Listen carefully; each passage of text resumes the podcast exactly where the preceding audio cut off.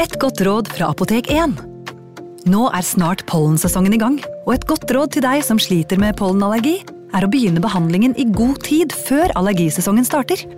Da får du nemlig enda bedre effekt av legemidlene, og så blir ikke våren din helt ødelagt. Kom innom og få råd på ditt nærmeste Apotek 1, eller chat med oss på apotek1.no.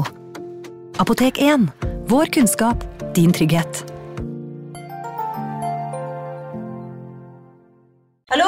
Jeg kommer fra Oslo politikammer. Ine Jansen er purk. Er du purk? The motherfucking bitch. Alt jeg vil, er å finne ut hva som skjedde med mannen min. Jon Carew. Er jeg sikta for noe? Iben Akeli. Det er du. Ole So, Lars Berrum og Big Daddy Karsten. Hvem sin side er du på, egentlig? Anette Hoff, Tone Danielsen, Kommer du fra Afrika? Jørnis Josef, Nesten kløfta. Trond Espen Seim, Det er synd å si det, men det var feil mann som døde. Purk. Premiere tirsdag på TV2 Play. Ungsamtalen fra DNB er økonomisk veiledning tilpasset deg som er ung.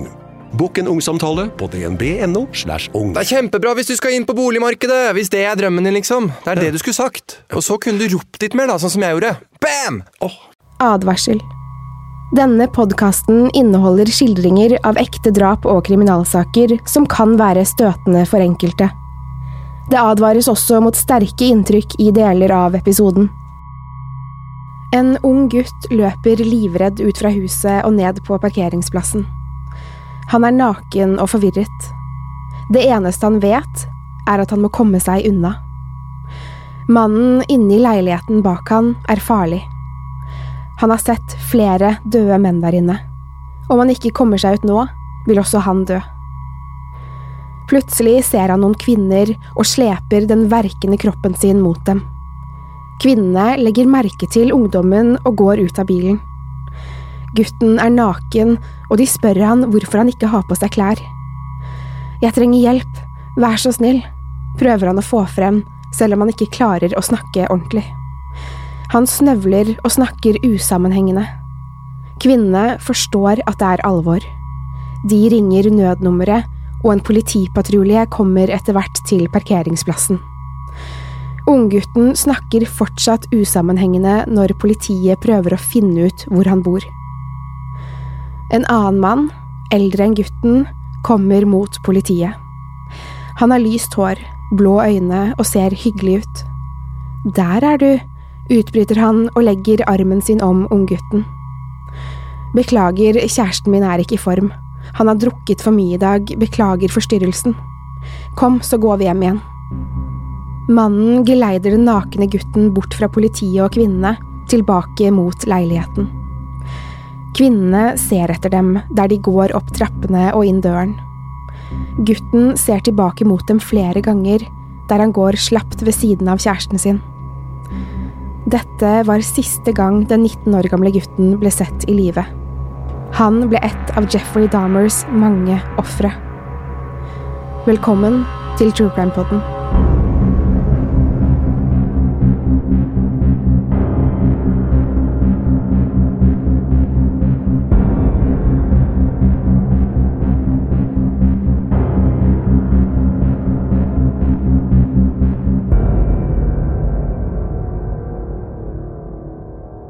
Jeffrey Dahmer ble født i 1960 i Wisconsin og var mye syk som barn. Faren hans var student, og moren jobbet med faksmaskiner. De hadde ikke så veldig god råd, og foreldrene hans kranglet ofte. Som spedbarn beskrives Jeffrey som slitsom, han gråt både dag og natt. Moren hans orket ikke å amme han. Hun syntes det tok unødvendig mye tid, og mente det var bedre å ikke ha så nær kontakt med den lille babyen. Han ble sjelden holdt og lekt med som liten. Han tilbrakte store deler av dagen i en lekegrind og ble nesten ikke trøstet hvis han gråt. Faren var mye borte i Jeffreys første leveår av studiene og jobben ved siden av, så det var for det meste Jeffrey alene hjemme med sin emosjonelt fraværende mor. En kan vel ikke påstå at dette er grunnen til hvorfor Jeffrey til slutt endte opp slik han gjorde, men det kan ha ført til den voldsomme usikkerheten Jeffrey slet med i ungdomsårene og voksenlivet. Moren til Jeffrey het Joyce Annette og hadde norske og irske aner. Hun var en upopulær dame både i nabolaget og på jobben. Hun var konfronterende, både irritert og sint, og kranglet med så å si alle. Joyce Annette ringte på naboenes dører for den minste ting, hvis hun syntes det var rotete i hagene deres, at de snakket for høyt mens de gikk forbi, eller lot bilmotoren stå på for lenge før de skulle ut og kjøre.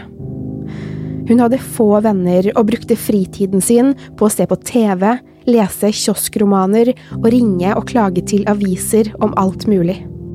Moren til Jeffrey ble også beskrevet som intens og et nervevrak som hadde mange irrasjonelle redsler. Det var alle tingene hun var redd for som gjorde at hun sa fra til naboer så vel som kolleger. Hvis noen gikk forbi på gaten om natten, ringte hun politiet, og hun ville ikke at barna sine, Jeffrey og lillebroren, skulle spise for varm mat, bade alene eller gå ned trappen uten å holde seg i rekkverket. Dere kan dø, fortalte hun guttene sine hele tiden. Redselen smittet over på barna, som ofte tisset på seg om natten. Joyce Annette slet også med panikkangst og fikk innimellom voldsomme anfall som gjorde guttene redde. Faren virket uinteressert i familien sin, ifølge Jeff, i alle fall i de tidlige årene. Han var borte nesten hele tiden av jobb eller studier, og var sliten hver gang han var hjemme. Dette gjorde morens psykiske lidelser verre, ifølge Jeffrey. Selv om Jeff virket glad og fornøyd utad som liten gutt, ble situasjonen hjemme verre og verre ettersom årene gikk. Moren hans prøvde ved flere anledninger å ta livet sitt med en overdose piller blandet med alkohol, og Jeff fant henne livløs to ganger. Da var han alene hjemme og ringte ambulanse for å redde henne. Moren ble sint på han fordi hun hadde overlevd. Jeff begynte å vise tegn på stress, og måtte, bare som fireåring, opereres for brokk, noe som irriterte moren siden han måtte passes på etter operasjonen. Hun nektet til slutt faren til Jeff å reise på skolen eller jobb, og han så seg nødt til å bli hjemme for å passe på sønnen sin. Det var mye krangling etter Jeff sin operasjon, og Jeff følte at det var hans feil at foreldrene kranglet. Da han begynte på skolen, syntes lærerne hans at han virket stresset og engstelig. Han gjorde det ikke så bra på skolen, stressede lille Jeffrey Dahmer. Det stresset han enda mer. Å vokse opp med en nevrotisk og hysterisk mor samtidig som foreldrene både sloss og kranglet høylytt foran barna, gjorde at Jeff hadde vanskeligheter med å forme normale relasjoner til barn på sin egen alder. Han ble mobbet på skolen, og en gang tisset han på seg foran de andre barna. Det førte til enda mer mobbing og større usikkerhet. Likevel klarte Jeff etter hvert å skaffe seg noen få venner, men han fikk sjelden lov å leke med dem etter skoletid, for det kunne være farlig, sa moren. Derfor måtte Jeffrey finne andre måter å leke på. Jeffrey viste tidlig interesse for dyr, og begynte som ganske ung å samle på insekter og smådyr. I starten så han på dem som vennene sine og pratet med dem og ga dem navn. Men det kjedet han, for dyrene bare løp fra han hvis han fanget dem. Etter hvert gikk leken med dyrene over til det mer sykelige. Jeff fant ut at han likte å drepe insekter med stein og pinner, før han begynte å fascineres av døde dyr. Han pleide å ta med seg døde, påkjørte dyr hjem og gjemme dem bak huset eller under sengen sin så foreldrene ikke skulle se det. Det var ikke så ofte han fant døde dyr, så derfor kom han på at han kunne drepe dyr selv så de ikke kunne løpe fra han når han ville leke. Jeff likte følelsen av å drepe dyrene. Han syntes det var spennende å se på blodet som rant ut av dem, og likte hvordan de så ut inni seg, under pelsen. Han tok også dyrene han drepte med hjem og hentet dem frem på natten, så ingen så han. Dette var noe Jeff fortsatte med, også inn i sine unge tenår, som sammenfalt med at han begynte å bli kjønnsmoden. Jeffrey begynte å tenke på sex og død som synonymt med hverandre. Etter hvert masturberte han til synet av de døde dyrene. Jeffrey gikk på videregående skole i Bath, Ohio, men klarte ikke å skaffe seg noen venner. Han var sjenert og turte ikke å snakke med så mange i klassen. De fleste så på han som litt merkelig og tilbaketrukket, så Jeff kom på at hvis han drakk alkohol, ville problemene hans løse seg. Allerede som tenåring ble han alkoholiker. Han drakk ofte og mye, og da foreldrene skilte seg, ble alt verre. Han begynte å skulke skolen og fikk dårligere karakterer av det høye fraværet. Ofte kunne han komme full på skolen, og han ble ikke sjelden utvist. Mens Jeffrey gjennomgikk puberteten, fant han ut at han var homofil. Han ville ikke være det, og var redd for å bli mobbet enda mer. Han prøvde seg på noen jenter innimellom, men de avviste han grunn av at han var uvøren og ubehagelig mot dem. Jeff begynte på Ohio State-universitetet og ble kjent med flere mennesker her. Han bodde litt unna familien sin, som gjorde han godt. I de første månedene gikk det bra. Han møtte til og med noen jevnaldrende menn han datet litt av og på. Jeffrey deltok på collegefester, men tok drikkingen for langt. Han var ofte full, og igjen skulket han skoletimer. Han strøk i flere fag, og har selv fortalt i senere intervjuer at han var full eller ruset nesten hele tiden mens han studerte. Han husket omtrent ingenting fra denne perioden i livet sitt. Jeffrey Dahmer hadde noen kjærester her og der, men på grunn av den uvanlige væremåten, usikkerheten hans og den morbide fascinasjonen for døde dyr, gjorde at de fleste av dem ikke orket å være sammen med han lenge av gangen. Jeffrey ble like knust hver gang, for han forelsket seg dypt i hver enkelt av dem. Til slutt ble han livredd for at kjærestene hans skulle forlate han. Han var redd for å være alene, redd for at ingen skulle like han. Dette, med college, kjærlighetssorgene og alkoholproblemene, ble for mye for Jeffrey. Han ble kastet ut av universitetet, men turte ikke å fortelle det til faren sin, i frykt for at han skulle bli skuffet. Faren la merke til at sønnen slet med noe, og foreslo at han skulle verve seg til militæret. Jeffrey ville egentlig ikke, men våget ikke si nei. Han vervet seg til hæren og gjorde det bra i starten. Han fikk gode skussmål og følte endelig at han tilhørte noe men det skulle ikke vare.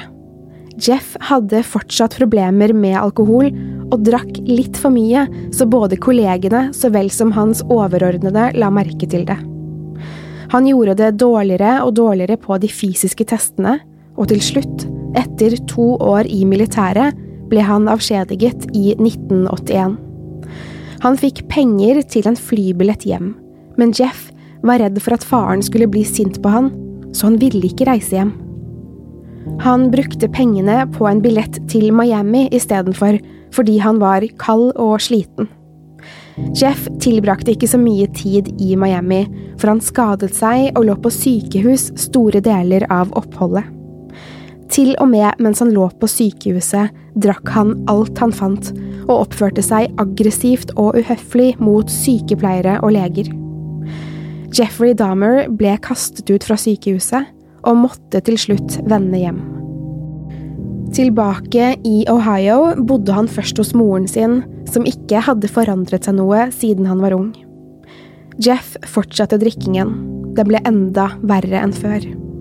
Mot slutten av 1981, året han ble kastet ut av militæret og et sykehus, blir han arrestert for fyllebråk og sitter en liten periode i fengsel. Faren hans er utrolig skuffet og moren sier han er en skam. Jeffrey flytter derfor til bestemoren sin i 1982. Han bor hos bestemoren sin i hele seks år, og det er under denne perioden Jeff blir virkelig rar og skummel. Hos bestemoren fikk han gjøre som han ville, og hun spurte aldri hva han gjorde og når han skulle komme hjem. Hun lot han være seg selv. Helt til også bestemoren blir bekymret for han. Hun går inn på soverommet hans en dag og kikker inn i klesskapet. Der finner hun en mannlig utstillingsdukke, fullt påkledd med utfordrende manneklær i lakk og lær. Jeff hadde stjålet den fra en butikk og sov med den om natten. Bestemoren fant ved en annen anledning en pistol, og det likte hun ikke. Hun hadde også lagt merke til en forferdelig ekkel lukt fra kjelleren sin, men hun kunne ikke finne ut hvor lukten kom fra. Bestemoren ringte til Jeffs far og spurte om han kunne hjelpe henne med den vonde lukten i kjelleren. Han kunne heller ikke finne kilden til lukten, og spurte sønnen om kanskje han visste hva det var. Jeff hadde en forklaring på det. Han fortalte at han hadde tatt med seg et dødt ekorn hjem fra skogen en dag, og hadde forsøkt å løse opp det døde dyret i syre. Det var sikkert bare det, forklarte han. Faren trodde ikke helt på sønnen sin, men fant ikke noe annet som kunne forklare det bedre, så han lot det ligge. I de neste årene blir Jeff arrestert flere ganger for blotting og en gang for å ha masturbert foran to unge gutter som skrekkslagne hadde fortalt hva de opplevde til foreldrene sine. I 1986 orket ikke bestemoren mer. Hun ba han flytte ut av huset hennes. Hun taklet ikke det at han var ute hele natten og kom hjem full. Lukten i kjelleren ble bare verre, og han tilbrakte mye tid der nede. Naboer hadde også begynt å klage på lukten. Det kunne da ikke bare være et lite ekorn. Jeff ble både sint og lei seg, men gjorde som bestemoren sa. Han fant seg en leilighet i Milwaukee og jobbet på en sjokoladefabrikk. Det gikk ikke så bra i Milwaukee heller. I 1988 ble han arrestert for å ha dopet ned og befølt en 13 år gammel gutt. Han fikk fem års betinget fengsel og samfunnsstraff. Han måtte også, fra da av, registrere seg som en såkalt sex offender, hvor han måtte si fra hvor han bodde, slik at naboer og andre i området fikk vite hva slags type lovbrudd han var dømt for. Jeff fikk ikke bo i nærheten av barnehager eller skoler av dommen. Etter å ha gjort ferdig den idømte samfunnsstraffen, flyttet han til en ny leilighet. En leilighet som skulle bli kjent over hele verden på grunn av det som foregikk der. Den 22. juli 1991 har Jeffrey tatt med seg en mann hjem. Han heter Tracy Edwards og trodde de bare skulle tilbringe en natt sammen etter å ha møttes på en bar. Tracy blir med Jeff hjem, men med en gang de kommer til leiligheten, får Tracy en følelse av at noe ikke stemmer. Det lukter rart i leiligheten, og det er veldig mørkt.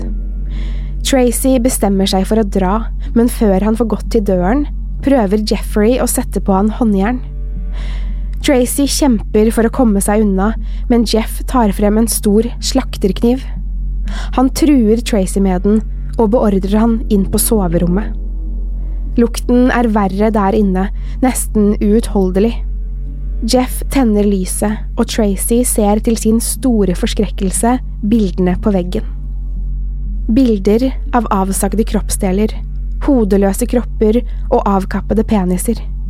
I hjørnet av rommet står en stor tønne, som senere skulle vise seg å inneholde syre. Men ikke bare syre. Tønnen ble brukt til å løse opp døde kropper fra menn Jeff hadde tatt med seg hjem tidligere. Forskrekket og redd bestemmer Tracy seg for å kjempe. Han vil ikke dø i den mørke leiligheten. Han slår Jeffrey i ansiktet og sparker han i magen og skrittet. Jeff faller mot gulvet, og Tracy løper ut av leiligheten. Med håndjernene hengende fra det ene håndleddet løper han ned gaten og prøver å få tak i hjelp. En bil stopper og kjører den skrekkslagne Tracy til nærmeste politistasjon. Tracy Edwards forteller hva han opplevde, og leder dem tilbake til Jeffrey Dahmers leilighet. Ingen kunne noensinne ha forberedt seg på det de skulle finne inne i leiligheten. I kjøleskapet fant de et avkappet hode. De fant ytterligere tre hoder i leiligheten, i tillegg til avkappede peniser og hender. De fant andre kroppsdeler i kjøleskapet og fryseren, og i den blå tønnen lå deler av et lik i oppløsning. De så bildene Jeff hadde på veggen, bilder av nakne menn i alle mulige positurer, med avkappede hoder, kjønnsorganer, hender og armer. De klarte først ikke å se hvor mange forskjellige menn det var. I klesskapet fant de hodeskaller og et menneskehjerte i fryseren. Jeff ble arrestert med en gang, og saken eksploderte i media. Rykter om kannibalisme og nekrofili verserte, og Jeff Han ville gjerne fortelle hva han hadde gjort, han ville være helt ærlig nå som han var tatt. Han begynte å snakke. Han drepte sitt første offer allerede i 1978, da han bare var 18 år gammel. Han hadde vært alene hjemme og plukket opp en haiker og tilbød han øl. Jeff hadde planlagt å ha sex med mannen, men mannen ville ikke. Jeff slo han i hjel med en manual og begravde han i hagen. Han ville dra fra meg, forklarte han, og derfor drepte han haikeren. Det tok hele ni år før neste drap. I 1987 drepte han en ung mann fordi han følte for det. Jeff drepte to til i 1988 og én i 1989. Han møtte dem som oftest på barer, tok dem med seg hjem og hadde sex med dem. Hver gang de viste tegn til at de ville dra, drepte han dem. Jeffrey Dahmer orket ikke tanken på at noen skulle forlate han. Jeff beholdt hodeskallen til den unge mannen han drepte i 1989.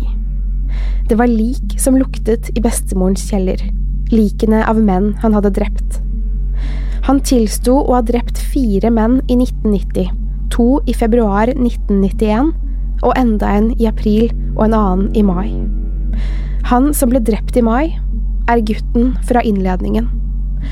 14 år gamle Konrak Sinta Somfone, som faktisk var lillebroren til gutten Jeffrey dopet ned og befølte, var gutten de to kvinnene hadde sett løpe fra leiligheten og rope på hjelp. Han hadde ikke vært den 19 år gamle kjæresten til Jeffrey Dahmer, han var en ung gutt, skadet og livredd for å dø. Han tok en siste sjanse for å redde seg selv. Han klarte å komme seg ut av leiligheten, han fikk til og med kontakt med politiet. Men det hjalp ikke likevel. Politiet sjekket ikke engang navnet til Jeff. Hadde de gjort det, hadde Konrad kanskje levd i dag. Men Konerak ble drept og stykket opp samme kveld. Jeffrey hadde beholdt hodeskallen hans som suvenir. Sommeren 1991 drepte Jeffrey omtrent én mann i uken.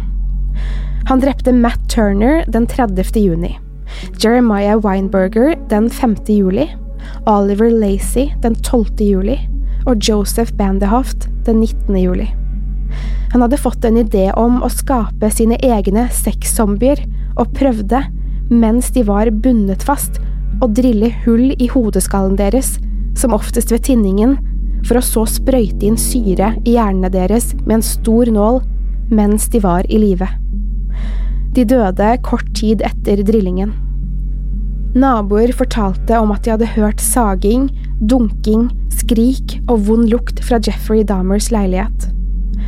Men ingen av dem hadde kontaktet politiet. Jeffrey Dahmer ble siktet for 17 mord, som senere ble redusert til 15. Han ble aldri siktet for mordforsøk på Tracy Edwards, mannen som kom seg unna. Bevisene mot Dahmer var overveldende og istedenfor å si seg skyldig, erklærte han seg ikke skyldig på grunn av sin mentale helse. Rettssaken varte i to uker, og juryen fant han skyldig på alle punkter. De avviste også påstanden om at han drepte alle mennene av sin mentale helse. Han fikk 15 livstidsdommer, til sammen 957 år i fengsel.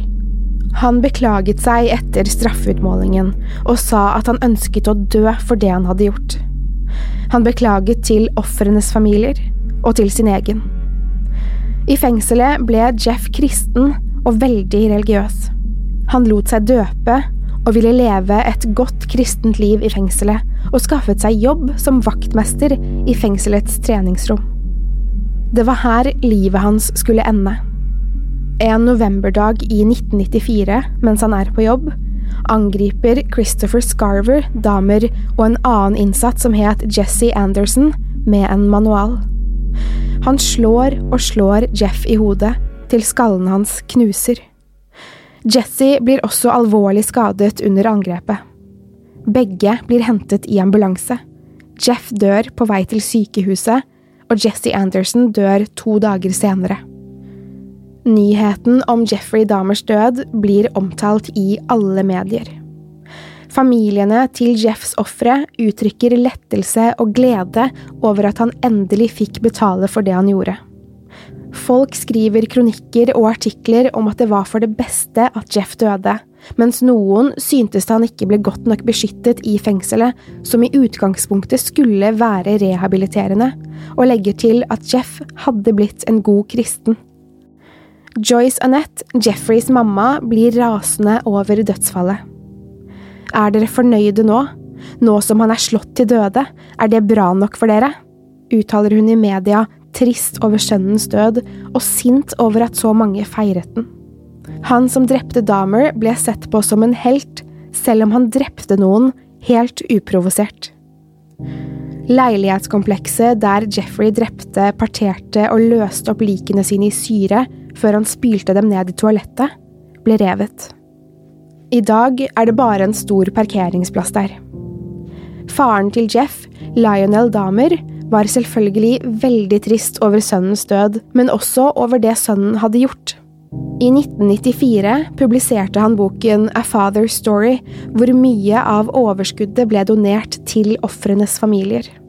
Ofrenes familier var både takknemlige og rørte over gesten, og flere av dem uttalte at de ikke følte at faren til Jeff hadde noen skyld i sønnens handlinger. Så hvem er det man skal skylde på når alt går så feil som det gjorde med Jeffrey Dahmer? Man kan, som i mange tilfeller med seriemordere, skylde på en dårlig barndom. Det er noe som går igjen hos mange av de verste seriemorderne, dårlig forhold, særlig til moren sin. Men Jeffreys mor var psykisk syk, og det var ikke hennes feil. Det er ingen som velger å lide av panikkangst, det er ingen som velger å være emosjonelt fraværende. At hun levde store deler av Jeff sin barndom med ubehandlede psykiske lidelser, bør vel heller skyldes på det såkalte systemet, som ikke forsto hvordan det sto til hjemme. Skal man skylde på noen i det hele tatt? Kan man heller lære av det som skjedde, så det ikke skjer igjen? Den eneste som kunne ha stoppet Jeff, var Jeff selv. Og kanskje politimennene som ikke forsto alvoret da unge Konrak tryglet om hjelp. Men da hadde allerede Jeff drept mange. Det var jo ingen som visste hva han gjorde. True Crime-podden reiser fra Milwaukee og fortsetter søken etter nye og spennende mordsaker. Vi legger som vanlig ut bilder på Instagram. Der heter vi True Crime Norge. Vi høres igjen om en uke. Til neste gang, ta vare på deg selv, og takk for at du har hørt på True Crime-podden.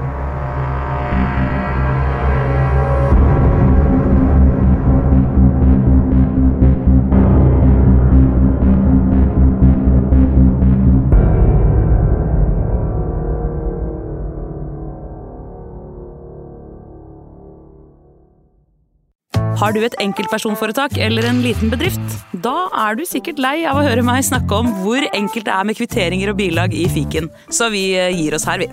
Fordi vi liker enkelt. Fiken superenkelt regnskap. Hei! Takk for at du lytter til True Crime Podden. Skulle du ønske at du kunne høre en ny episode av denne podkasten hver eneste uke? Vel, da er det bare å laste ned podkastappen Untold med en gang. I tillegg til ukentlige episoder av podkaster som Skrekkpodden, Synderne og Henrettelsespodden, får du masse annet reklamefritt og eksklusivt innhold. Last ned Untold i AppStore eller Google Play, og start din 30 dagers prøveperiode i dag.